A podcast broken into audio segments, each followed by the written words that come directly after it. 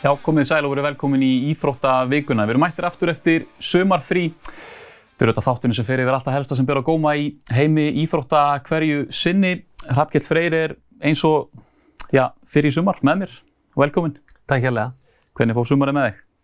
Það er bara vel sko. Já. Það skellt sér nú eitthvað út en svo er nú bara verið helviti gott við hérna heima sko. Núna, setni part sumans, þetta byrjaði ekki vel. Já, það og gestur dagsins er Arnar Daði, sérfæðingurinn. Velkomin. Takk hjá fyrir það. Og hvernig er þú?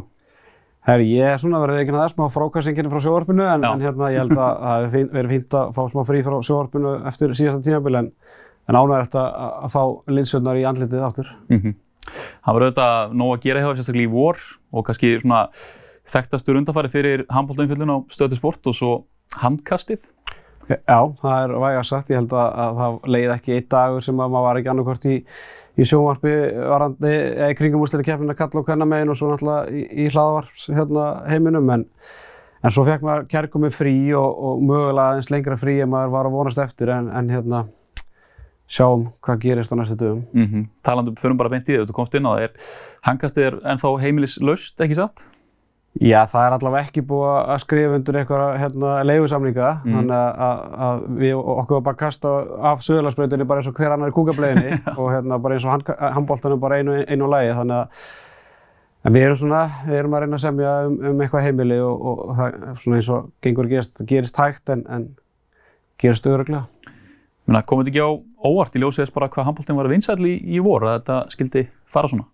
Jú, klálega. Ég meina, maður var náttúrulega var svolítið innviklaður í þetta í, í kringu stöðusport og maður svona var að hlera menn og það svona trúði enginn að þetta er því niðurstaðan að handbólti myndi fara frá stöðusport en, en einhvern veginn þegar að leiða á hérna, tímabilið og maður fann svona, maður fann samt að það var eitthvað gruggt við þetta og hérna svo fór maður bara að hlera í kringu sig og þá svona kom það manni auðvitað ekkert óvart þegar maður var búinn að fá bara alls konar fréttir af því að, að það virtist bara sem svo- að stöðtöfu bara eitt ekki efna á því að vera með handbólta lengur og, og ég, ég skilur það ágætlega, þetta er ekkert eðlilega mikil kostað sem fer á bak, eh, er í kringum eina útsendingu og, og veist, ég er svona, mér varst komist í vetur, sérstaklega að taka eftir að, að hérna, hafa verið kvarti verið því að, að það var ekki gert sama fyrir kvennabólta eins og kallabólta og ég, þú veist, sagði bara kókurustur á Twitter að, að fólk ætti nú bara að vera bara fegið að væri að vera að fjallum allt sem er að fjallum og þá fekk maður anskotast mikið skít yfir sig ef maður væri að leta þetta út úr sér en það er nú bara staðan að þetta er ekkert eðlilega dýrt batteri og, og bara ég veit ekki hvað, ein útsending kostar auðvitað 4-5 miljónir, skilur mig, þetta er ekki Þannig að þetta kemur ekkert óvart, skilur mig, Stöð 2 hefur viljað að gera þetta ógeðslega vel en áttu greinlega ekkert efnaði. Þannig að það er stutt að sværið, það bara peningar, gamla góða, Já, bara ég er stóri ástu það að Stöð 2 Sport hafi vilja að missa handbóltan, vitandi að það Aron Pálmarsson væri komið í deildina og svo en setna var Alistair Pettersson og eitthvað svona, þannig að þetta er bara peningar, sko. Og það hefur klálega spilað inn í líka Búndislíkan og aðna missarallin datt inn í Stöðu Sport. Mm -hmm. Sér bara svona fyrir sölu vöruna þeirra þá, það sé Já, ekki of. algjörlega, algjörlega. Já, einmitt. En það má ekki gleyma því samt að Stöð 2 kalla sig heimili íslenskra íþrótta, þannig að þetta, þú þetta er bara peninga Já, Þú veist, á- ástæðan er bara peningar. Þú veist að þeir hafa, hefðu alltaf viljað halda handbóltanum, körfun og fótbóltanum hjá sér. Þannig að en þetta hefur bara greinlega þeir hafa farið í nafnlaskoðunum að virði það bara.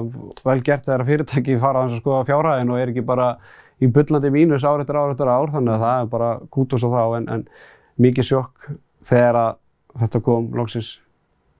en þú veist, fyrst við komin á þessa braut, svo fyrir við nánar í deildina sjálfa á eftir, en, en handbóltinn í vetur, bara hver, hver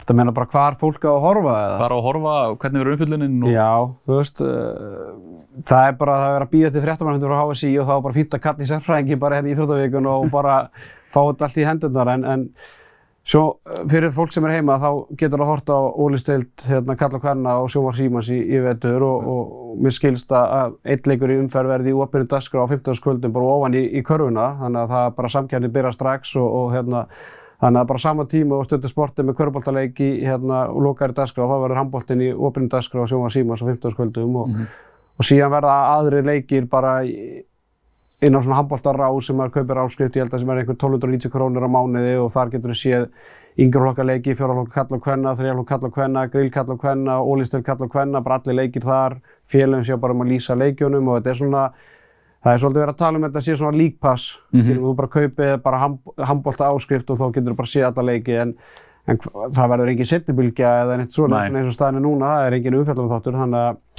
það er svona, verður í, vonandi í höndum handkastins að að- að bara tryggja fyrir þjóðinni að, að hérna, verður einhverju umræð og umfjallan um, um deildindar í, í vetur. Verður, verða félagin skildu til að hafa lýsinda?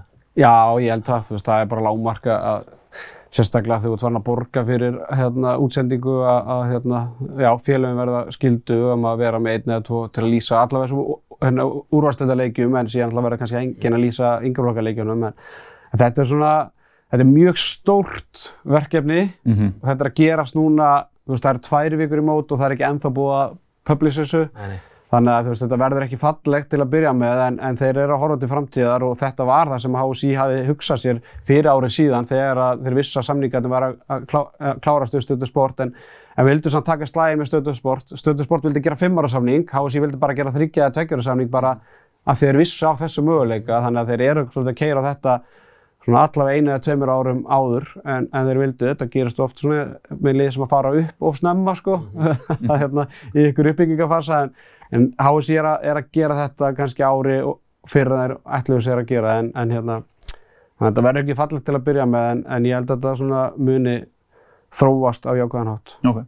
Þannig að það verður hægt að sjá leiki og það verður vonandi líklega hægt að hlusta á handkasti. Það er svona stuttumáli. Já, ef, ef allir hriðugötnum verða með okkur. Já, nefnitt. Uh, aðeins bara þér, auðvitað varst þjálfari meistaraflokki þangað til vorið 22, uh, hættir þá. Ert núna þjálfari yngjaflokka, ekki satt? Jú, ég er svona, ég bara lendi heldur betur bara vegg. Já. Ég hérna, þjálfaði basically bara yfir mig á, á hérna, þessi þrjú ár sem að ég var með gróttu og uh, var með háleit markmið sem að klúðruðust eða bara náðust ekki og ég ætla nú ekki að fara eitthvað djúp, dýft í það en, en það var svona eftir það tímabil þá bara já, lendi ég á vegg og, og hérna og þú veist, það er ekkert frí að vera þjálfari, skilur, það er, það er sumafrí er ekkert endilega frí þannig að ég hérna bara sá ekkert annað í stöðun en bara þurfa að kúpla mig út úr þessu bara aðeins og hérna náði mér í eitthvað þryggja fjagra manna frí og, komið síðan hægt og bítandi inn í, í þjálfin, yngjurloka þjálfin á síðasta tímabili og er svona já, er svona alveg að bremsunni, skilur mig, ég passa mig að vera ekkert að gera ómikið en, en, en það er svona ég elska handbólta það mikið að ég gætt heldur ekki verið bara án handbólta meira enn í þrjá, fjóra mánuði sko, þannig að maður er svona hægt og bítandi að koma sér aftur inn í þetta en, en líf handbólta þjálfarans, þetta er ekki dans á rósum sko. Nei. Sér eitthvað aftur fyrir þér að fara í meistaraflokksþjálfunni? Eins og staðin er núna, nei, þá finnst mér ekki heillandi. Þetta er bara, þú veist, bara launin eru hlægileg, þú veist, vinnutímin er grín, þú veist, þetta er bara, það er svo margt sem vinnur á móti þessu og, og hérna, eins mikið og mér, ég naut þess á þessum tíma en þá var ég ekki komið fjölskyldu og, og hérna, þú veist, þá var maður bara svolítið að leika sér sjálfur, þannig að ég bara, ég hristaði ennþá hausinn og segja alveg bara óbjörskátt að ég, ég dáist bara af þessum mönnum sem hafa verið í þjálfin í 10, 20, 30, jafnvel 40 ár bara, þú veist, og hætta kannski með eitt lið og taka bara strax við eitthvað öðru lið, þú veist, þeir taka sér ekki sem frí á milli, þetta er bara með ólíkindum, en það er svona veltið fyrir sér, skilur mig, hvort að þeir kunna aðeins að stjórna tímanum að því að ég eitti bara öllu mínu tími Já. að þjálfa, sko, þú veist, og menn hafa kannski líka, geta kannski aðeins bremsa og bara eftir æfingu þá bara er fjölskyldan, en hjá mér var þetta bara handbólti, handbólti, handbólti, þannig að þetta var, hérna, þetta var skemmtileg þrjú ár, en, en hérna, ég fæði það ekki aftur. Nei. Við hérna, förum alltaf aðeins svona í yfir leikmannaferil. Uh, gestan okkar líka. Já. Það var, þú átti einhverja leikið í meistaraflokki í fótbolta allavega? Já. Okra, með íhá? Með IH, já, ég alltaf var varamarkmaður í haugum þegar það fóru upp úr, úr hérna fyrstöldinni í, í í Pepsi-deildina á 2009? 2009. Ok. Þá var ég svona annar þriði markmaður og eftir Amir Mihika. En handbóltaferillin var nú ekkert rosalega langur. Ég legg handbóltaskona hillinu bara 21 tveggja. Mhm. Mm -hmm. Ég á hérna, já, ég á heit samband við Axletan á mér. Búin að dettur Axla við 14 sinnum og hérna ég svona gafst eða bara upp hérna 21 árs. En, þú veist, á einhverjum meðstórasleiki með hérna Val og, og hálft tímabili í BVF og svo endaði feril með IH, þannig að ég endaði feril bæði handbólta og hófbólta með IH og, og, og hérna, því ekki vænt um það. En, en já, ég fór bara að þjálfa 21 árs, skilur mig, bara, þú veist, ég vissi ég geti ekki orðið góður í handbólta út af meðslum en, en ég sá fyrir mér geta verið eitthvað góður handbóltaþjálfari og hérna, já, fór bara strax í að vinna í því. Mm -hmm. Árnum fyrir mig frétti vikuna, við erum auðvitað í bóði bóla kili, það var væntalega að fara einhverju bóla niður í sumar. Já, ég myndi segja svona 90 til 100. Minimum. Það er góð tala. Það vestan er ekki til á tenni. Nei, hann það? er ekki til þar. Ég leitaði hér lengi en fann hann hverki. Herra, ok, uh, förum í frettu vikuna. Byrjum á Mason Greenwood, strákar. Hann er farinn frá Manchester United. Kili þessi ákvörðun bara komunur óvart. Nei, bara ekki neitt. Ég held við höfum talað um þetta hérna í síðust þáttunum okkur fyrir sumumfrí, þú veist. Þeir voru aldrei að fara að taka ákvörðun út frá, þú veist, taka hann inn í út frá sponsorum og fleiru í kringu liði, bara ekki sens. Já, en Þetta var alltaf að fara að vera ákvörðun, held ég sko. það var samt tímapunktur það sem að svona ennsku blöðin töluðum að það væri, að það væri líklega en ekki, hann snýr eftir sko. Var það, maður veldi sér fyrir sig, bara var það rétt eða maður veit það ekki.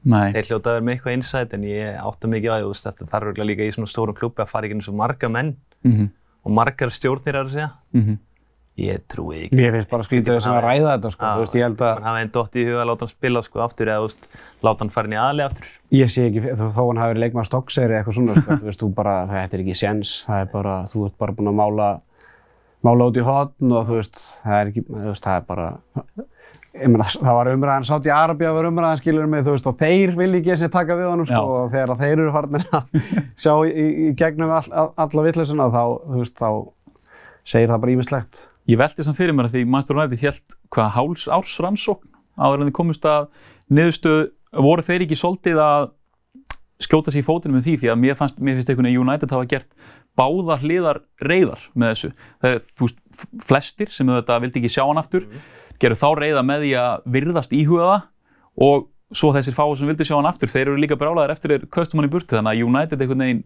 skítapar í þessu máli. Já, gerði það einhver leiti en svo mun fenn yfir og allir mun áttu segja bara, herrið, en í end var þetta rétt ákvörðun, sko, Mhm. held ég. Mm Þú verður Tyrkland eða Ítalía? Eða Verður þetta eitthvað? Verður ekki alltaf bara mótmæli hvert sem að fer og... Ég held þetta verið Tyrkland, Já, getur sloppið ekki hann. Ítalía, nei. En ég fór einmitt að hugsa eftir að þú sagðir þetta með, með Saudi, sko. Þú veist, ef að þeir eru farnir að setja prinsipin hann, sko, þá, þá veit ég ekki hver leipur hann er minn, sko. Nei, nei, þú veist, en svo, þú veist, ljótt að segja, skilum við öll sár gróa einhvern tíma og Já, já. svona, þú veist, að ég, ég ætla ekki að segja að hann eigi bara ekkert líf framöndan en, en þetta verður erfitt hjá honum og ég sé hann ekkert fyrir mig að spila fótbolta í næstun en jú, jú, Tyrkirnir, þeir eru til alls líklegir. Já, ég segi það nú. Herðu, Spátnir heimsmyndstari hvenna eftir sigur á Englandi í úrstöðuleik. Byrjum bara á kannski úrslitónum sjálfum. Uh, já, Kjeli, þú talaði svo mikið um að Spátnir er þið Já, ég talaði það bara í... Ég hætti að fylgjast með bara eftir að þú og, og hérna Já. Albert Brynni fór að tala um það í tóka fútból. Ég verið bara bæði aðdóðandi Spánar og Barcelona lengi, sko, Já. í hvernaboltanum. Mhm. Bara hrikalega vel spilandi lið bæði og er raun og veru, þú veist, Spán er að mestu leiti Barcelona. Það er eitthvað nokkar úr Real Madrid því að, sko, þær voru þrjá ára sem vildi ekki koma frá Barcelona. Mhm. Það voru partur af stóra máli, sko, sem hefur rætt mikið. Mhm. Og þarna, já, ég svona hefði trúið allan tíman er myndið klára þetta þrátt fyrir þarna stóra tapið á móti Japan, sko, sem var alveg bara sliss. Það voru eiginlega mínar konur í þessu móti, sko. Mér fannst það er alveg geggjað, Það er sérstaklega í, í riðlakeppninni. Þetta var bara hlaupagetan og pressan og bara... Mhm. Þú veist, Ég var að vonast til, já, skil, já, þú veist, ég var að vonast til að þær færa aðeins lengri í mótinu en, en hérna, það var eiginlega millið eftir að það duttu út, þá eiginlega svona hætti ég að fylgjast með þessu af því að þá vissi ég að, að Kela var búinn að kalla það spámir hérna myndi taka þetta. Ég er ekki flóknari maður en það, ég held með Englandi, sko. Já, mér finnst bara England svo langt eftir í gæðum, það er að segja í leiknum, sko, þær voru einhvern veginn að keira þetta áfram á krafti bara, mikið um meðsli á Englandi, og þær voru að, leikmenn líka inn eftir bönni eins og Lauren James, Mm. maður einhvern veginn sá þær aldrei taka þær, sko. Mhm. En það er, er aðeins búið að litast, Arnar, af svona utanvallar málum sem að kannski gerir þetta afverk ennþá betra að ljósa þess hvernig staðið að þessu á bakvið tjöldin og ég menna þetta er súrt að einhvern veginn, maður sjáu bara fréttir um forsetan að kissa leikmann þvinguðum kossi og þjálfarana ká á brjóstum á, hjá aðstofþjálfara og þú veist, þetta er bara súrt. Já, þetta er súrt og þetta er beist og þetta er bara allt sem er vond á bræði, sko, og hérna, þú veist, já, þetta er alveg bara með ólíkindum að, að þetta skulle eiga sér stað og, og maður eiginlega bara svona velti fyrir sér, þú veist, hvað er í gangi, veist, þetta er bara, ég, ég, ég, ég átta mikið á því eins og hvernig ég get líst þessu eða hvernig ég á að ræða þetta því að þetta er svo, ég veit ekki, komíst, þetta er bara að þetta skuli eiga sér stað fyrir framann, þú veist, alla, eða skilur þetta er ekki, þú veist, þó að það sé ekkert fe- betra að það hafi gerst á einhverju gangi eða eitthvað skilur mig, en þú veist bara, þú veist, að detta þetta í hug, ég bara, þú veist, þetta er, maður hlýta að fengja eitthvað heilablóðfallana rétt Já, áður. er búinn að tala um að hafi verið ykkur rosalega sigur vímus að Já. fórseti hérna sambandsins. Já, Svona svolítið að bleymi svo þetta, gáði afsökunarbeini sem að fólk var ekki sátt með, þeim fannst svona cheap. Já, mér Afsökunarbeiðni. fórsetisráð spámeri að Já. segja bara, hérna, að að þetta sé bara, ég myndi segja, mjög veik Mm. afsökun, sko, en, en ég meina, eina sem er dættur hug er einmitt samt að það, það var eitthvað sem kom fyrir eða skilur, hann hefur verið í einhverju vímu eða, þú veist, eitthvað, þú veist, þú bara, þú tekur ekki þessi ákvörðun, ég meina, ég, að ekki gera þetta fyrir einhver æfingu eða fyrir eitthvað fundi eða eitthvað, þannig að þetta er, þetta er mjög vond, en, en svona, þú veist, þetta er ekki að, þetta er ekki fyrsta skipti sem að menn skýta á sig, sko. nei. Það er á rétt, hann hefur verið að prjóna yfir þessi í vippinu. Klálega. En sá þegar þjálfarinn var að fagna einn eftir leik innan um alla. Það var heldur gott sko, var hoppandi og dansandi einn og maður svona að reyna að ná til leikmann eitthvað en það er hunsuð hann bara allar sko. Já. En hann er búinn að vera hann síðan 2015 sko. Já. Hann hangir í Hann- starfi, Ég sko. meina, hann er líka búinn að vera í skúlingaliðunum, Já. undir U-liðunum, Mhm. 17 og 19. Og þeir standa heldur þétt við bækja hann, menn það verður fróld að sjá hvort hann haldi í þetta mikið lengur, sko. Mm Herru Freyr talaði í vikunum 50-50 að Gilvi var að koma til Lungby. Mm -hmm. Uh, við auðvitað vildum kannski sjá hann í val hérna heima úr svona eftir að það fór að kvistast út en þetta er kannski svona líklegasta skrefið. Já, eins ég og er. vildi sjá hann í val bara eins snemm og hægt var því að það var ekkert spennandi að sjá hann í val núna kannski síðasta mánuði því þetta var eiginlega bara búið þannig Mhm. séð. Það var að vera einhvern súsett að fá hann inn sko. Uh, Svo hugsaðum maður þetta meira að Lingby miklu, miklu betri deild og bara gras betri aðstæði fyrir hann að æfa á. Þetta er miklu betri möguleiki sko. Mm Eitt Með ár, þjálfara sem að þekki vel. Eitt ár er þarna kannski og þá var hann komin í eitthvað miklu stærri glugga. Já, mér finnst bara svolítið skrítið að vera að tala um Gilva. Þú veist, maðurinn hefur ekki ennþá tjáð sig í fleiri, fleiri mánuðu ár og, og að við skulum vera eitthvað fabulur um það hvað sé að gerast og, og hvert hann er að fara. Ég býð bara eftir að Gilvi þó séu svona stíja hans fram og, og tjái sig hans fyrir land og þjóð. Ég meina þetta er einn dáasti sonur bara Ísland síðustu árin og, öll þjóðun hefur flikkjast á bak, bakið honum og bara endalust, skiljum við, og einhvern veginn öll þessi þögn og en samt sjáanlegur á, á körubóltaleikjum og fótbóltaleikjum og byrjar að æfa en þannig að þú veist, ég er svona þessa fabuleiringa, ég er hann þreyttur á þessu skiljum við, þú veist, bara verða hann að góðu og gangi hann vel í því sem að teka fyrir sér hendur en, en, ég er svona að býða eftir að við tjáum okkur um það, um það ákverði sem hann tekur, Já. þú veist að mér finnst þetta orðið svona langþreytt umræða með eitthvað hvert hann fer veist, svo getur vel verið að hann sé bara ekki að fara neitt sko. Veist, Nei. en mér er samt aðteklisvægt að Freyr þú veist, svo, hvað kaupir maður í því sem Freyr segir? Er hann að segja 50-50 bara einhvern veginn til að fá okkur aðtekli á þetta skiljum við? Þú ég veist? held að hann væri aldrei, að- þú veist, ég held að það sé hann er- líklega en 50-50. ég er að segja Hann það, væri þú ekkert að segja þetta nema hann væri svona nokkuð bara, nokkuð líklega með að vera að fara að fá hann, sko. Já, þú veist, það er annarkort að hann sé að vekja aðtekla á þessu af því að þetta er minni líkur en hann vill samt einhvern veginn fá umfjöldunum í gang skiljum við eða hann er að segja 50-50 en þetta er miklu meira líkur. En ég meina, var hann ekki mittur, var hann ekki að leiðin einhver aðgerð eða? Mittist eitthvað hælum hann hjá Val, en ég veit ekkert meira, sko, en það heyrir maður ekki neitt eins og þú segir, sko. Þú veist, það er bara rosalega erfitt að heyra eitthvað. Já, algjörlega. Herruðu eigamenn, þeir urðustu til skammar í, já ekki í vikunni, þetta var nefnilega síðasta mánuð en kom upp í vikunni. Það voru sagt ummæli í 1-7 tapi á múti val og heimavelli í garð aðstóðadómara. Ég meni með eitthvað aðeins Þú ert fókbaltandi skammar og svo eru við farin í gróðari hluti eins og þú ættir að hengja þig og það ætti að skjóta þig í hausinn. Maður hefur nú hort á helviti marga IBF-leikina, þar sem er ekki verið að lýsa á þarna bestu dildin rásunum. Þar heyrir maður oft eitthvað dæmi sem að maður hefur eiginlega bara lúms gaman að þetta, þú veist, það er fyrir neðan allar Þetta er yfir öll mörg. Þú veist, og þeir hljóta vita hverju voru að segja þetta, sko, þetta er ekki stór eiga, sko. Mm Það hlýtur einhver að spotta í gæslunni eða neymit, sko. Gæslan á beðin um að fjarlæga þeir einstaklinga bara- og þeir höfnuði. Já, það er höfnuð, þú veist, svona fólk að bara banna á hérna smiðleikim, sko, það er Mhm. ekki flóknar að það, sko. Mm Þetta er svona með í gróðara sem voru heyrt einhvern veginn í þessu.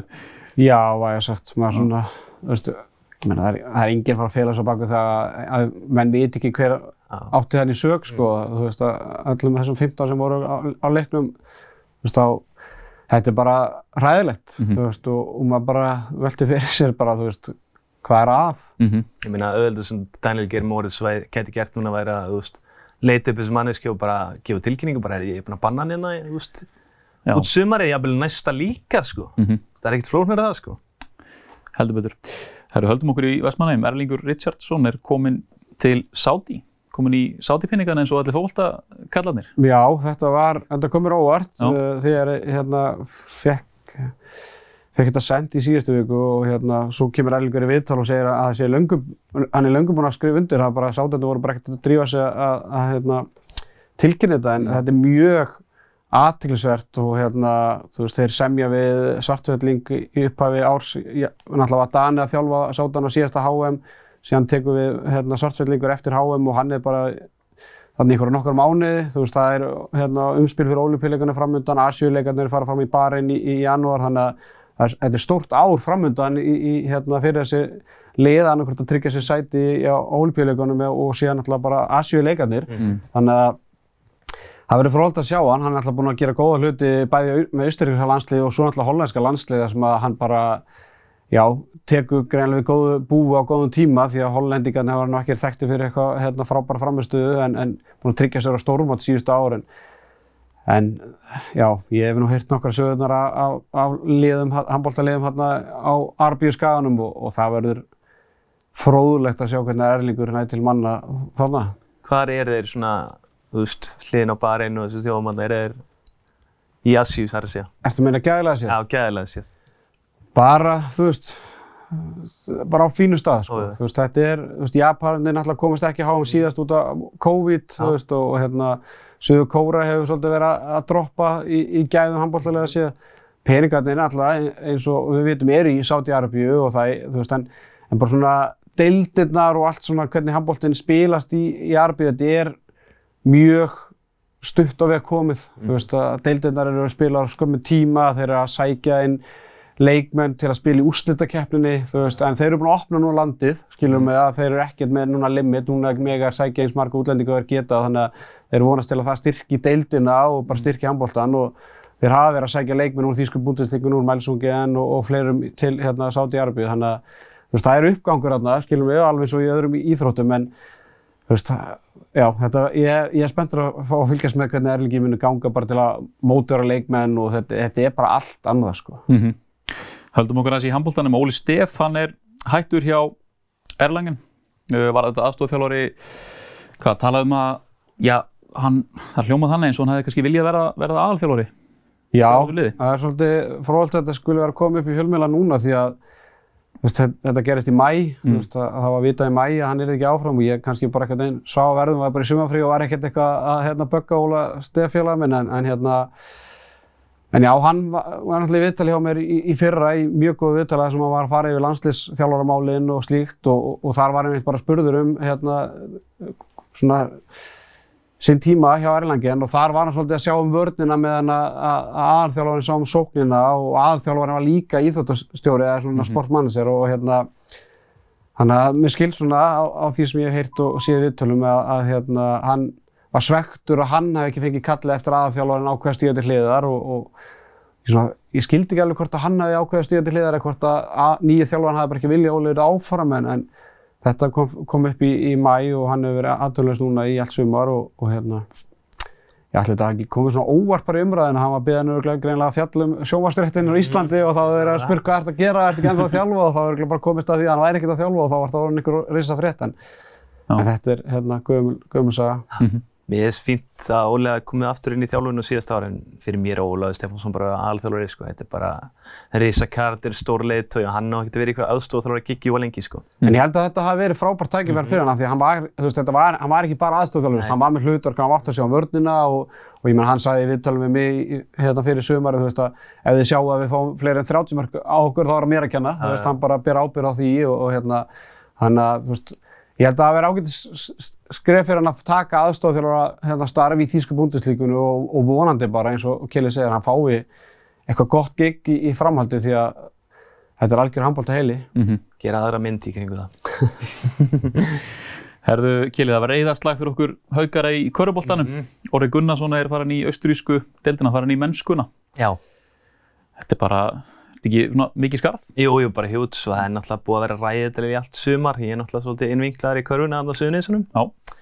Og hann var hrikalega góður í fyrra og á þetta bara, hann á þetta tækifæri skilið. Mhm. Var líka góður með landsliðinu um daginn. Mm. Man ekki, það var einhverja æfinga leikir hérna.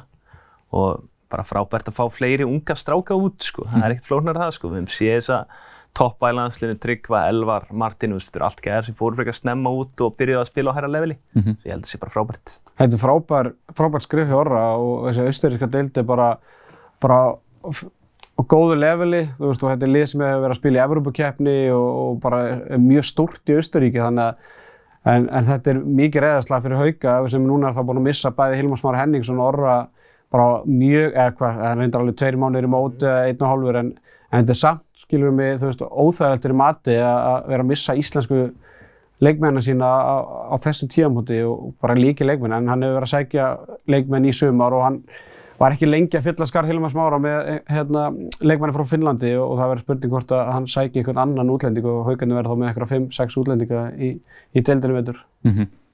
Algjörlega. Lokum bara í hrettabakkanum. Það voru Íslandsmeistari í golfi, Logi Sigursson úr golfklubbi Suðunesja, Íslandsmeistari í Karla og Ragnhildur Kristinsdóttir er Íslandsmeistari hvenna hún er í golfklubbi Reykjavíkur. Ég veit að Kjeli lágu þessu. Já, ég, hann er aðna úr innri, innri Njárvík, eins og ég hann logi. Já, þess vegna vildur komið það. Já, Heldur betur. Förum í stuttar auðlýsingar og komum aftur að vörum.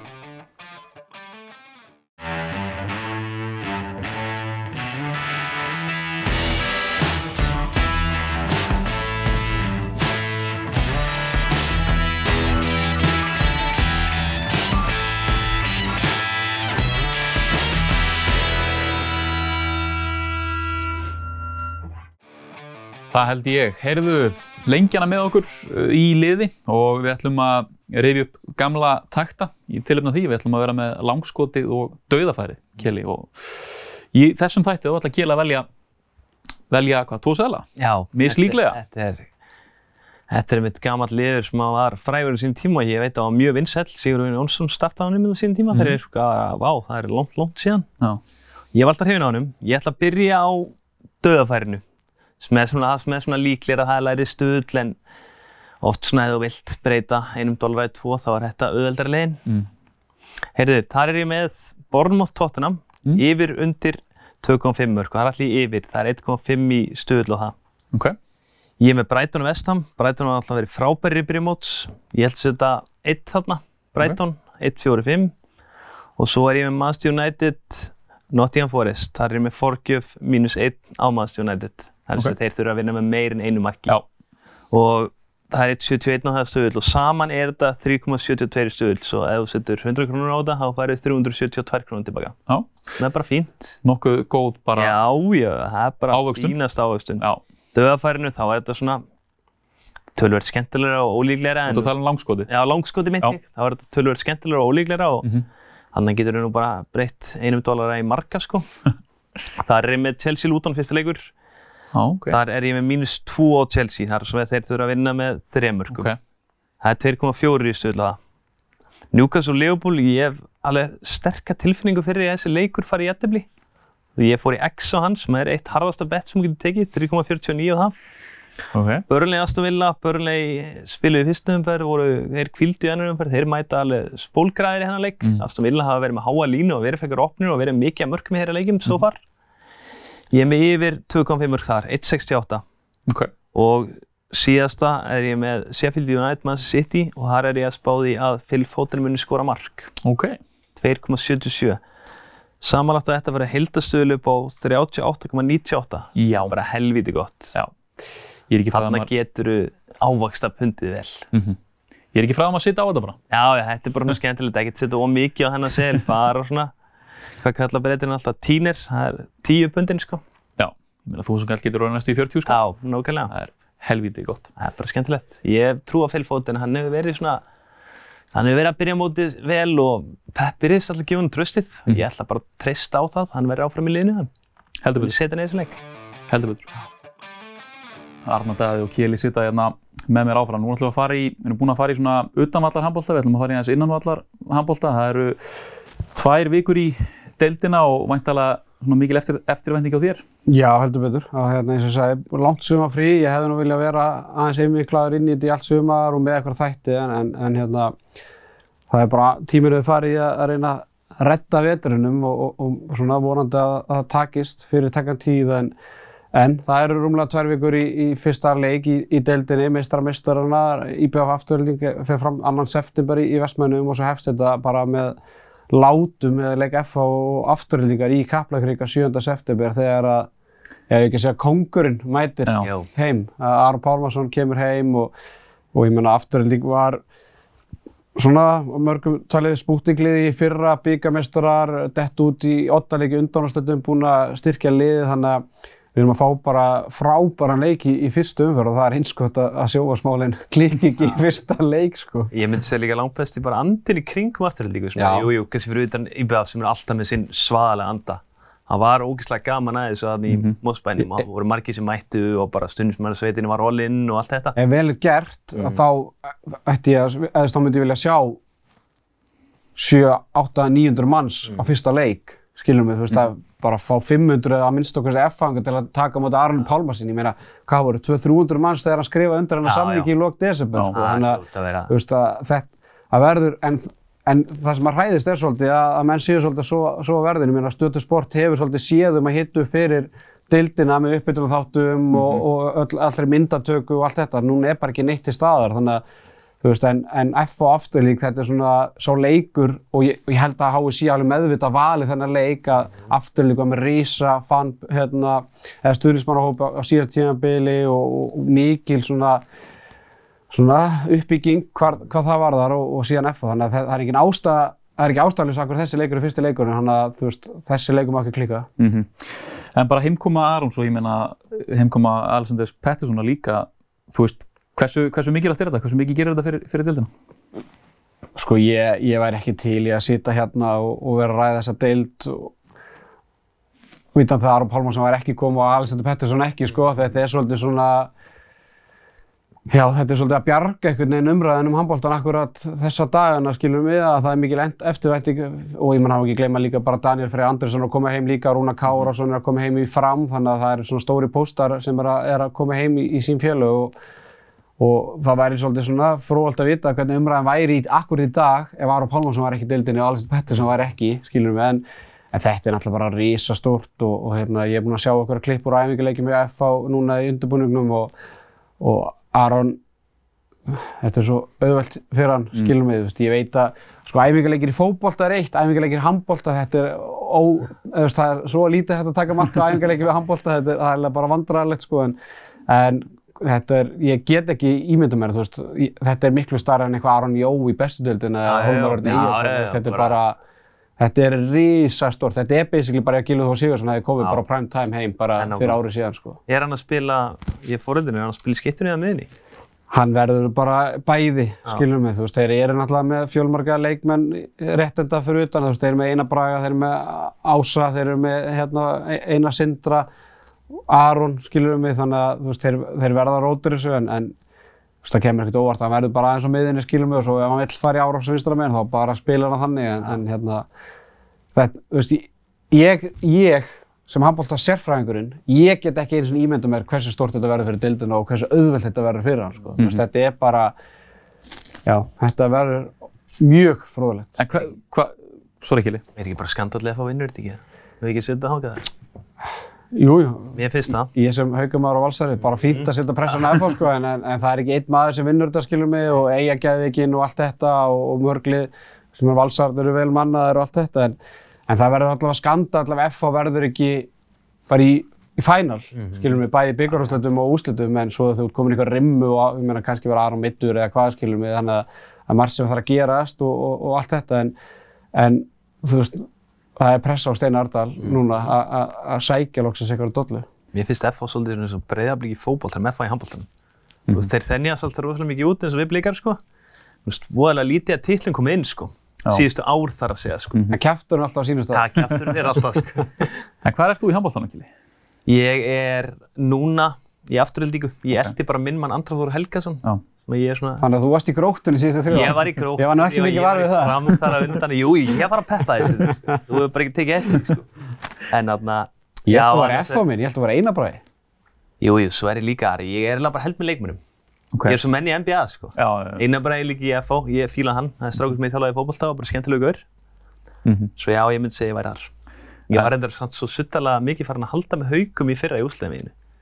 Svo svo að í í það voru svona gamli kallar allir á svipum aldrei og ég, þú veist, ég man eftir þeim og skemmtist á hennum í Galanda, sko. Já. Þessi örf á skiptir sem þið mætti Já. þangað. Var þetta, þú veist, að því út haugari og ég er haugari, þú veist, var þetta ekki svolítið svona sjensin samt, þetta þannig fyrir eða? Jú, jú, úr því sem komið að vera komin í úrslit á móti IBVF og Já. 2-2 og bara búin að vinna síðast, uh, tvo leikir röð og allt þetta en, en ef þú horfur á tímabilið í heilsinni þá var þetta ekki tækifæri í haugana skilur mig en rétt skrýðin í þannig að en úr því sem komið var skilur mig vinna eh, fálið af mósvellinga í oddarleik og komin í oddarleik móti IBVF þá auðvitað en, en á sama tíma þá sé ég haugana alveg geta bara að fara líka jafn langt núna Ok. skilur mig þú veist að ég meina leikmenn eins og Stefán Rapp, Tjörfi, Aron Rapp, þetta voru allt leikmenn sem voru bara íhuga að hætta, Geir Guðmunds. Mm Þetta að það að komið svo langt bæði í byggarnum og, og hérna í úsliðkeppninni gaf þessum leikmennum ekkert eðlilega mikið og allt í hennu bara, þú veist, er heimið svo eini sem að laði skóna á hilluna. Þannig að, Hann- Stefán er ekkert vera að hætta, sko, það er ekkert að gera fastinu markinu. Andri auðvitað farin það. reyndar, hann var var náttúrulega Já, já. ansið drjúr. Amadrjúr. já, frábær leikmaður og, og frá- frábær náttúrulega með hérna úlingarlandsleginu núna úti í, í sumar og, og bara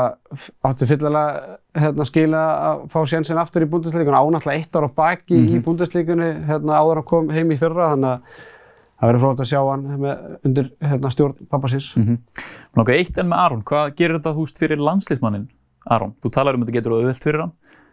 Er það neikvægt fyrir landslið?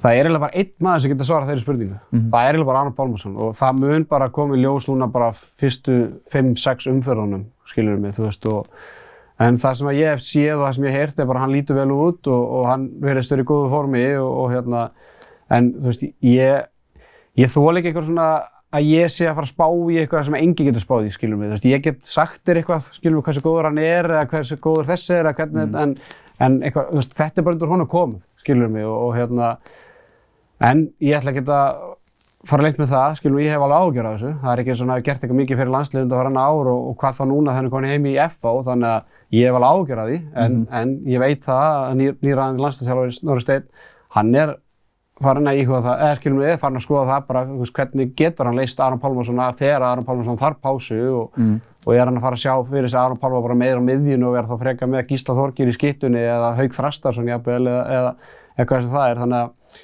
En það er bara einn maður sem getur svarað þessu, það er Aron Pálmarsson og það þarf að gera það núna bara fyrstu fjóra og fimm leikina. Það verður, það getur ímyndað eitthvað pressuna sem verður á hann. Það verður öll augu landsins á Aron Pálmarssoni bara strax á fyrstu umferð og það slíka bara allir við 8-10 mörgum, sko. Er svo að einföld. lágmarkir hægt. Bólurinn, þú veist, á Íslandi er svo einfaldur þegar það kemur að handbólta, sko. Hann verður með 8-10 mörk, hann verður með svona 10 stóðsendingar. Þú veist að það má ekki taka það á hann með allar þessar stóðsendingar, þessar no-looks línusendingar sem maður hefur séð frá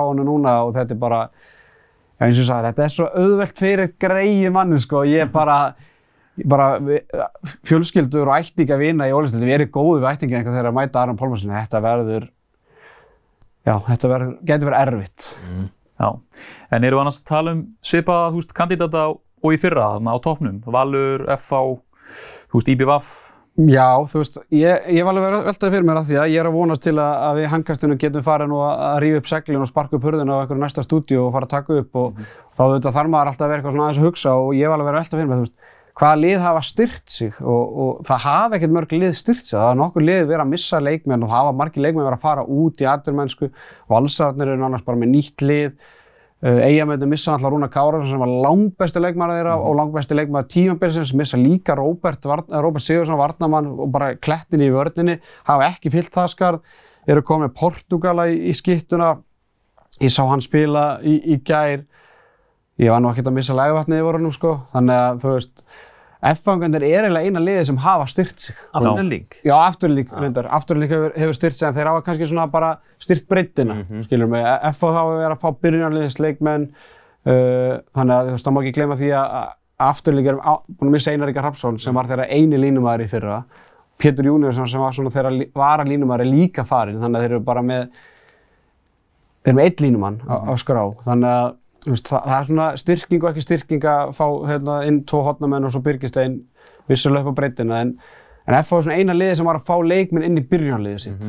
Og hérna haugarnir er búin að missa heimi af línunni, fá náttúrulega þrái núna allt tímabilið, missa Andar Rúnars, hafa ekki fyllt það skarð þannig að, þú veist mér finnst eða FH eina liði sem var styrt sig önnu lið, ég meina framarðin var Rúnar Kárasson en að samanskapi er búin að missa Luka Vukicevic, búin að missa Stefán Dar er hættur, Breki Dags er hættur, Óli Breim fór aftur í gróttu, þannig að þetta lið sem var svona, þeir eru endið fjórðarsetti fyrra, skilum við að var að vonast til að þeir tekja næsta skref, hafa svolítið þurft að endur skoða svolítið sitt, sitt hérna lið, þannig að já, þetta verður Valur, Haukar, FO, IBF, Mhm. stjarnan er bara gjössanlega lítlið, þú veist, það er svona peningavandræði þar hérna, óvænt úr, úr Garðabænum og, og þeir þurftu svolítið að, að endur skipila sitt. Skil ekki Garðabæn, alltaf tala um að sé nót til að það svo er alltaf peningavandræði öllum Já. knattspyrnu- Nei, íþróttulegunum. Ég held, að, ég held að það sé ekki vandamáli, ég held að það sé vandamáli bara hvernig menn nota Já. peningin hann í Garðabænum. Sko. Já, heldur betur. Herðu aðeins bara að landsliðin okkar. Það eru, hvað, fimm mánuðir í næsta stólmót EM og ég meina væntingar þjóðarinn að verða bara nákvæmlega eins og alltaf, eða síðustu ár. Já, já. Það eru háar væntingar. Gísli er meittur, verður líklega komið tilbaka en annars er ekki bara leikmyndur okkar á heldur góðum stöðum eða? Er góðum stað á sínum svona... Hver er staðan Ómar Inga? Já, ég, þú veist, staðan er ekki góð í dag. Ég meina, Ómar Ingi er bara ennþá meittur, Haukur Þrastarsson er meittur, Gísli Þorgir er, er, er, eða, er bara meittur og, og, rétt nær mögulega að koma inn þarna fyrir janúar. Þannig að, þú veist, svo náttúrulega bara deildir ekki byrjuð, við sjáum aðeins hvernig það verður þegar að, en, en það sem er svona jákvæmt er að það er fáið leikmenn sem að vera að breyta um lið, skilum við, þú veist, það er allir bara í, í góðu, hérna, komfortzóni og það jákvæði er náttúrulega Stephen Tobar Valencia að koma út í aturmennsku sem að, þú veist, við getum, ég held að það sé ein, fyrsti leikmann sem getur bókað í EM-hópinu á Snorra Steini í janúar, þú veist, að bara hotnamaður sem getur spilað bakverði vörn og bara komin í portugalska deildina og fara að spila í Evrópakefni, þannig að það er svona jákvætt en, en annað svona litla breytingar hjá mönnum, skilum við á milli félagslega, þannig að við ættum svona að vita bara hlutverk þeirra innan félagslegana en, en veist, við verðum að gefa okkur svona 2-3 mánuði að sjá hvað, hvað, hver staðan er á Ómari, verður haugur komin aftur á einhvað skrið og, og hvernig hérna, þetta gengur á Gísla Þorger en Janus náttúrulega farin úr norsku deildinni, komin aftur í þýsku deildina, hann til Magdeburg, sem er náttúrulega risa stökk en svona hver verður spilatíminn hans og, og allt það en, en já, ég væntingarnar náttúrulega fyrir HM í fyrra var náttúrulega voru rosalegar og það náttúrulega spilaðist inn í að við vorum í frekar auðveldu riðli og auðvöldu milliriðli. En hvernig, það, hvernig við gáttum klúður að þessu er náttúrulega með ólíkjundum en væntingarna mína fyrir EM eins og stað núna er alveg frekar lágstemdar sko. Að Við hefðum ekki getið verið óöfnari með riðil og, og hérna smæta bæði Se- Serbíu og Svartalandi. Ég er búinn að kaupa mig við það út til munn hérna og mér hlakkar ekkert eðla til að, að sjá Serbía Svartalandi Já, í, í, það í Olbíhöllinni svakalegt munn hérna. Það verður rosalegt en, en hérna Já, við verðum að gefa þessu nokkra vikur um mánuði. Ég er sérfæðingur strax búin að slökka í okkur. Slökka í öllu vonum fyrir næsta janúar. Já, ég er ekkert rosalega brattur með út frá því sem hann var að segja, þú veist, Ómar er, hann er að koma tilbaka, Já. Gísli verður bara klár rétt fyrir mót. Þetta eru svona gæðat sem er að draga þetta liða áfram, sko, það er ekkert flóknir það. Haukur Þarastad, maður er alltaf einhvern veginn að býða eftir honum, hann er alltaf bara búinn að glíma rosalega meðslíkinu sinn feril og bara hundleðilegt, sko. Mhm. Það var alltaf bara uppáhalds gæmans að horfa á hérna fyrir, þú veist, hvað var það, fjórum árum í Selfoss? Og maður bara, maður er einhvern veginn bara meist, sko. Mhm. Svo ég skil alveg að væntingar sé að strappa það niður, sko. Já, en svona hérna, hérna almenni gómur verður. Já, já, já, það er nokkuð. Það er eina við. Kommentarkerfi verður alltaf vel peppað, sko. Herðu ekki að fara okkur aðeins í fótboltan? Já. Bara uh, besta til kalla byrjuð þar. Keli, vikingar langa eftir og kannski annar ári í röð er að sjá eitt lið stinga fyrir þess að úslakefni. Já, bara svona, við eiginlega verið að eyðilegja þessu úslikenni fyrir Já. okkur, sko. Eina kannski meira spennandi úslikenni núna er, þú veist, það verður bara átt um síðasta Evropasæti því að ég, eins og vikingar eru núna og K eru núna, þá eru vikingar bara að fara, þú veist, kveikið fyrir síkarettu og reykjana í 90 myndur, sko. Já. Á lögðarsveitla móti K, sko. Þú veist, það er ekkert flóknar að það. Já, ég meina, hvenær tapaði Víkingur síðan spíkarleik? Já, nákvæmlega. Og þarna, svo verður einhver spenna, jú, jú, í botninum, ég er nokkuð viss um það. Þetta verður að fylgja IBA fram til dæmis. Mm -hmm. Spurning hvort svo veist ykkur fleiri inn í það. Ég sá mjög aðtöðlisverðan post, ég held inn á hérna, Dr. Fútból hérna, leikminn á Facebook í, fyrir svona mánuð síðan þegar að, að því að núna er bara nokkuð vita að vikingarnir eru búin að vinna Já, já. skilur með deildina og það var svona vangurvelta hvort það ætti að þrískipta deildinni. Mm. Þú veist, ætti að vera fjögur, fyrstu fjögur, svo 5 til 8 og svo 9 til 12 Já. og síðan er það úrstildalegur milli 5. og 4. setis um Evróp, þannig að þú veist, liðin í þú veist, 7., 7., 5. og 8. seti getur jafnvel farið í Evrópukeppni skilum við, ef þau myndu vinna þá, þá kem- kemur einn úrstildalegur af því að segjum að vikingur skemmi móti ennþá meira með því að tapa úrslitaleiknum. Skilur, og þetta verður bara þrjú sæti, skilur mig, þannig að og svo getur vel verið að ef vikingur vinnur að verður fjögur sæti og það verður bara fymta sæti verður það langt frá fjórðarsætinu þegar uppi staðið að verður ekki þessi spenna um fjórðarsæti. Þannig að þetta er, þetta er svolítið vond fyrir ITF og þá sem að eru svolítið að, að elska þessa, þessa knatsbjörg á Íslandi að, að þetta mótafyrirkomulega hefur ekki alveg dottið fyrir fætundar á mönnum og, og hérna, maður var svona vonast til að valsarði myndi nú geta tekið það átt og auðvitað blika þetta líka sem var náttúrulega bara að kasta þessu móti frá sér að hérna, þetta er svona, þetta leit vel út í byrju tímabilis þegar að, að hérna, Valur var á, á, á góðu skriði, blikarnir líka og vikingarnir en, en síðan síðustu vikur hefur þetta náttúrulega bara verið horror fyrir ITF og, og þá sem að já, fylgjast með þessu að vera að fjalla um þessa deild. Alveg klálega.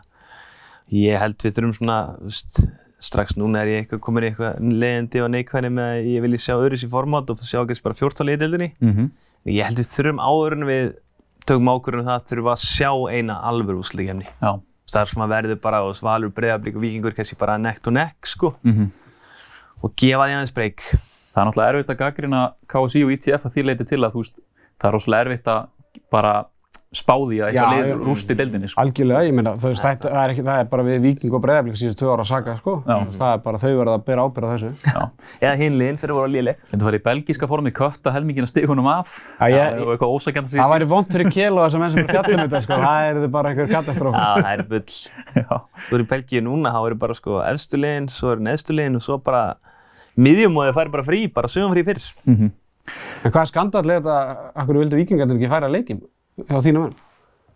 Þetta var eitthvað skrítið, það var nú talað um að eitt- hafa ekkert formlegt samtalið að beina átt sér stað sko. Nei, en það er En þetta á ekkert að vera í hundu viking sko, þetta er bara KSI á bara, þú veist, hendi í gamla góða innræðið þarna sko, þeir bara ákveða þetta sko. Já, blika Þetta er bara- gáttu fresta leiknum mútið keflæk.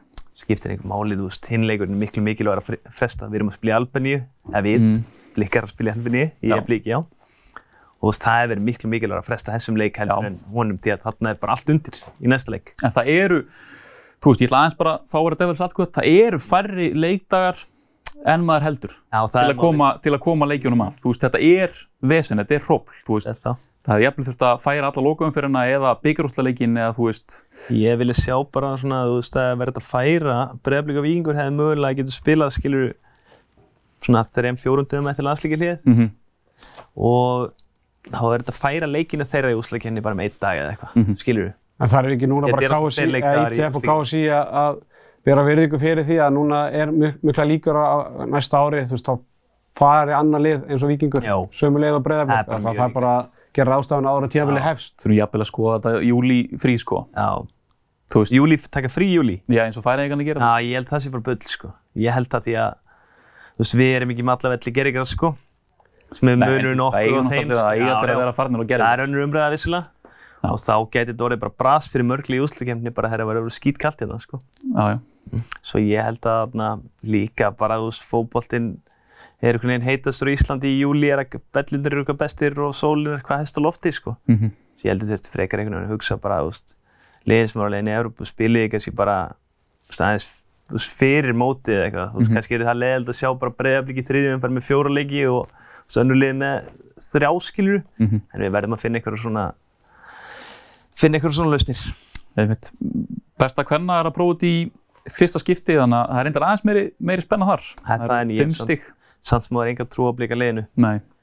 Valsmenn gerði vel í klukkanum og styrt sér vel með Berglindi og önnu til dæmis. Mhm. Ásamt, það voru eitthvað danskar stelpur sem komu líka. Já. Á meðan blikar einhvern veginn bara hafa mist mótsjóði gjössanlega eftir en úrslaleika mútið Víkings sko í Mhm. byggartum. Mm Og maður var svona smá farin að sjá þær meiri segja fyrir það bara svona, þú veist, harka inn sér að smá er ekki sangjarnir. -hmm.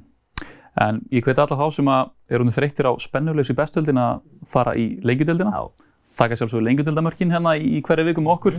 Og fylgjast með annar deildinu líka. Það er held ég fimm stig á milli annars og sjöunda sætis. Já, það, mér finnst það nú vera bara árlegt einhvern veginn þessar já. annari deild að- og jafnveg þriðudeildin að það er alltaf bara einhver miðjum móð þarna sko og svo þegar uppi staði endar þetta aldrei í neitt spennu sko. Nei, en máli er, ég spila nú sjálfur enn öldin, þú ert komin í aðra öldina, þú veist, það er hrikalega erfitt einhvern veginn að búa til eitthvað yfirbara lið. Það eru bara, flestu leikmenn í deildinni eru frekar svipaðir, sko, en ef maður kannski bara, það er einn og einn spánveri í hinu þessu liði sem eru svona bara mattsvinnarar, sko. Mm Og það, þetta er, skemmtilegt að þetta gerist mjög regli og bara, skemmtilega rétt sem fleiri liðir upp á toppartinni, sko. Mm Arnar, hvað ert þú í, í fótboltana? Bara haugaður eða? Ekkert í efstu deild eða? Ég er bara haukar og valur eitthvað, en ég ætla nú, ég, ég, svo hlægjur ekki valsar og eitthvað stjórnarmenn, ég sé að segja það sko, þú veist, ég er nú ekki góð vinnur hérna mannana í knaspinu deild og vals, þannig að, ég er eiginlega bara haukar og, og, og eitthvað sko. Já, En ég skammast mér að segja það ekki í dag sko, þannig að takk fyrir þessa spurningu. það gengur ekki vel. Spurningu að kötta þetta út hérna sko. Þeir eru að býja þetta í knatthúsinu. Þá getið þið byrjað að æfa almennilega. Já, já, svo þurfum við að fá hérna Þóran Jónas inn í yngur lokastarfið og, og, það er klárt. já. Já, algjörlega. Herðu, enski boltinn, það vilja allir, það vilja allir heyra smá spjallum enska boltan, þannig að við höfum þangað, Arnar, fyrsta lagi, hvar, með hverjum heldur? Herru, á bara að fella kóngin, ég er lýtsari. Þú ert lít? Já, já. Ok. Þannig að, og það, það, þetta er erfið byrjun í Championship-deildinni, þannig að við skulum ekkert að ræða það neitt, en, en hérna, þið með eiga þetta slott, sko, ég er bara, Ertu harður eða? ég er, nei, nei, ég er ekki Nei. harður, skilur mig, en, en það, ég hlói ekkert þegar ég fjalli, skilur mig, en, en hérna, ég hafði ekkert mikla trú á sem ég fannst þið bara útrúlega eitthvað ósannfærandi í, í fyrra. Svona eftir á að higgja. Svona skemmtilegt að vera einhver eftir og skýringamæður. Bielsa átti aldrei að fara. Nei, nei, eftir, að, eftir að hyggja, en þetta var samt bara ekkert sama liðið í fyrra og frá því hitti fyrra. Eða skilum við bara, þú veist, allur kraftur og allt þetta var bara orðið eitthvað voðalega súrt, sko, þannig að, en, en samt einhvern veginn fannst mann eins og leikmennur og þeir sem voru í kringum liðið í fyrra bara trúði ekki að það myndi falla. Nei, við, það var held ég málið. Þú veist, það var ekkert, liðið var ekkert að styrta eitthvað rosalega í janúarklukkanum eða þú veist, einhvern veginn svo bara mallaðist þetta bara herðu, wow, það er bara fimmu fyrir eftir, hvernig ætlar að ná í þessar segjuleiki, skilum við, þú veist. En, en, já, og svo byrjar þetta ekki vel núna, en takk fyrir spurninguna. Aftur, tvær vondar í röð. Já, mjög vandar. Hérna kilið við kannski tökum úr þessu fyrstu tveim umferðum að það eru þrjúlið afgerandi best. Arsenal, Man City og Brighton.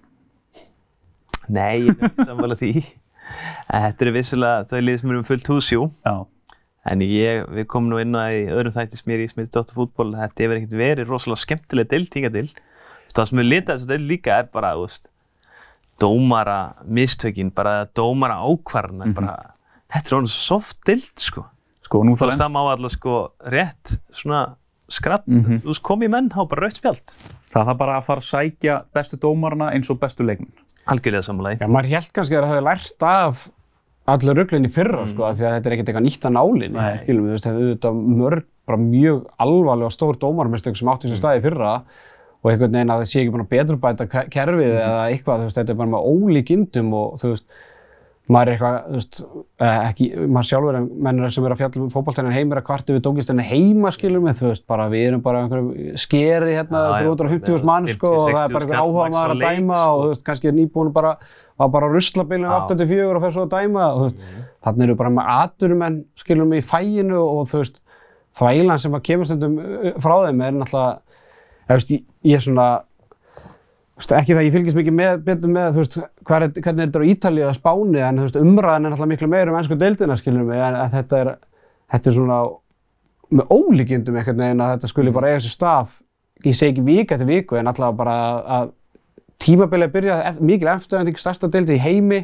og aðal umræðefnið er hversu mikið sorp domgæslan er. Já, Það Þú veist, það er ekki stjörnurnar eða nýju leikmiðarnir eða þú veist eitthvað svona sko. Það liðir að spila skemmtilega fótbolta, það er bara dómgæslan, sko. Já. bara lefilega á milli leikmanna og liða og dómara. Mhm. Það, er, það er bara til skammar, sko. Þú veist, það, þetta er ekki neinstæðar svona mikið, ég vil helst það kannski meira í hendur.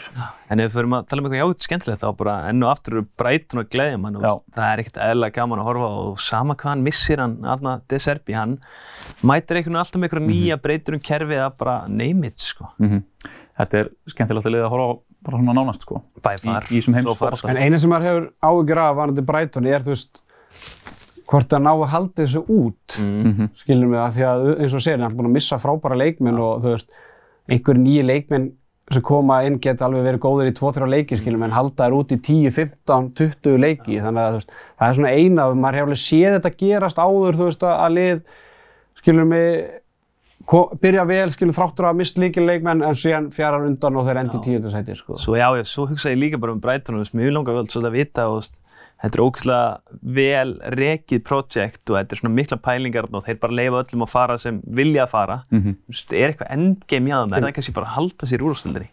Ég veldi, er kannski svona- Champions League er endgameið Já, á ekkert með hóka inn. já. Mm. Ég, já, svona taka eitthvað, þú veist, þetta er kannski smá skrítið dæmi kannski, en Ajax, þú Já. veist, þeir hafa alltaf selt, Mhm. alltaf verið til í að selja bestu leikmennin sína, en þeir hafa samt náð að vera í Champions League og fara langt þar, sko. já. Ég held að svona projekt endur bara illa í ennsku deildinni, sko. Ég, er bara, ég- og mér finnst þess að ég sé þetta áður einhvern veginn, skiljum mig. En ég meina, og meðan þú ert með Luton og Sheffield United og, þú veist, Já, já, en það enda kannski ekki enda illa núna, en bara, Nei. þú veist, á 2, 3, 4, 5 árum, þú getur ekki bara endalist við alltaf að finn, finna upp á hjóli, fá frá bara unga, ódýra leikmenn, skilju. Þetta er bara, einhverju tímanbúndi færðu ykkur gæja sem koksa, skilju mig, og þá er erfitt að snúa hjólunum við, sko. já, svona að það væri kannski mikil veld eitt sumarið og bara tveir, þrý sem kom inn veru lélegir. Já, já, segi, Það er stutt í skítinn, sko. Þetta er oft talað um eitthvað svona lotto, skilur mig, þú vinnur ekki alltaf í lotto. Nei, nei, svo er þetta líka, þetta er orðið svo mikið skáting og fleiri Já, svo getur þeir miss skátana sína, skilur mig. Það er rétt, þeir getur veist, Þeir verið getur eftir svolítið að City eða Arsenal, skilur mig, þannig að ég er að tala, veist, bara fél- félag sem heild Mhm. nær ekki að halda í sína bestu leikmenn, þjálfara, þjálfara teimi, stjórnamenn, veist, ef það er eitthvað, segjum við svona lítið lið eins og Brighton, gengur vel, það er verið að skoða hvað er þeir að gera vel og stóru félagin, þeir pikk í þess að kalla, eða skilur, þetta er ekki bara, það er ekki bara svo til leikmenninni, sko, Mhm. þú veist, það er, kokkurinn getur verið kiptur, sko, eða þú veist, nuttarinn, eða þú veist, það er bara, það er þess vegna sem ég segja, að svona projekt, það, það endar aldrei vel nema hún náður að halda, Mhm. skilum, í þessa bestu leikmenn Algjörlega, og byggja það er mjög góð það, sko. punktur og spurning hvort það er munu á einhvern tímann á endanum, þú veist, þegar það er munu eiga það mikla peninga að þeir ná það mikla góða márugri, bara svona, þú veist, reyna að tilla sér hlið bestu liðana, sko, svona í eðslu og fleira. heldur betur. Rétt í lokin, Master United lítur að vera vonbreiðin hinga til í Já, þeir voru náttúrulega bara mjög lélegir á móti Wolves en styrkleika merki að klára þann leik, sko. Mhm. Svo mútið Tottenham, jú, jú, þú veist, það er þetta deilum að þeir áttu að fá víti mögulega og fleira, sko, en Tottenham overall voru betri leiknum, fannst mér, sko. Þeir eru veginn meira, bara meira spennandi en ég bjóst við. Já, ég, ég samlega Tottenham, þeir eru bara svona meira skemmtilegir en ég bjóst við, eða þú veist, þeir eru skemmtilegir en það hafa verið síðust ár, að gera þá meira spennandi, þeir voru svona alltaf svo hróttilega leðilegur á tímili. En með Manchester United, ég, svona stillandi upp mínu fantasíli, var ég með þrjúni United menn og stokkalega það er byrjunarprogram og ég held þeir myndi bara stíðan að skref, sko. Ten Hag fengi Svo er svona þá leikmenn sem hann hefur viljað líka. Já, að nákvæmlega, það sem að reyðlar öllu er að Rashford hefur þurft að vera frammi, Mhm. þar sem hann er klálega lélegri heldur en út á kanti og Hoylund hefur verið mittur að segja, Mhm. en svo er bara, veist, eins og með Antoni og fleiri skilur, veist, hvað var hann að taka hann að gæja með sér? Veist, hann hlýtur að vita hvað hann gæti, sko, þessi gæja er bara á yngavinn og góður Mhm. Nei. United, sko. að eitt og eitt moment eitthvað sem hann köttar inn og neglir hann í fjæri, á tveggja mánuða fresti, sko, en Mhm. við minn eini. Garnaccio, þú veist, hann er bara ungur og hann mun alltaf þurfa tíma til að verða, stabíl leikmaður, bara eins og allir. Svo að þeir þurfa Hoylund inn ASAP, held ég, sko. ég held við séum nokkuð sprungnin á tíma. Við vorum handbóltamein í lífin í dag sem er kannski bara eðlilegt. Það er aldrei slæm ákvörðan að rappa það með lífi, bara, treyst mér, Arnar, heiður að fá þig. Takk fyrir að koma. Takk, takk. Og Kili, takk fyrir að sitja hérna vanda og ég þakka ykkur fyrir áhórið. Þangu til næst. Verið þið sæl.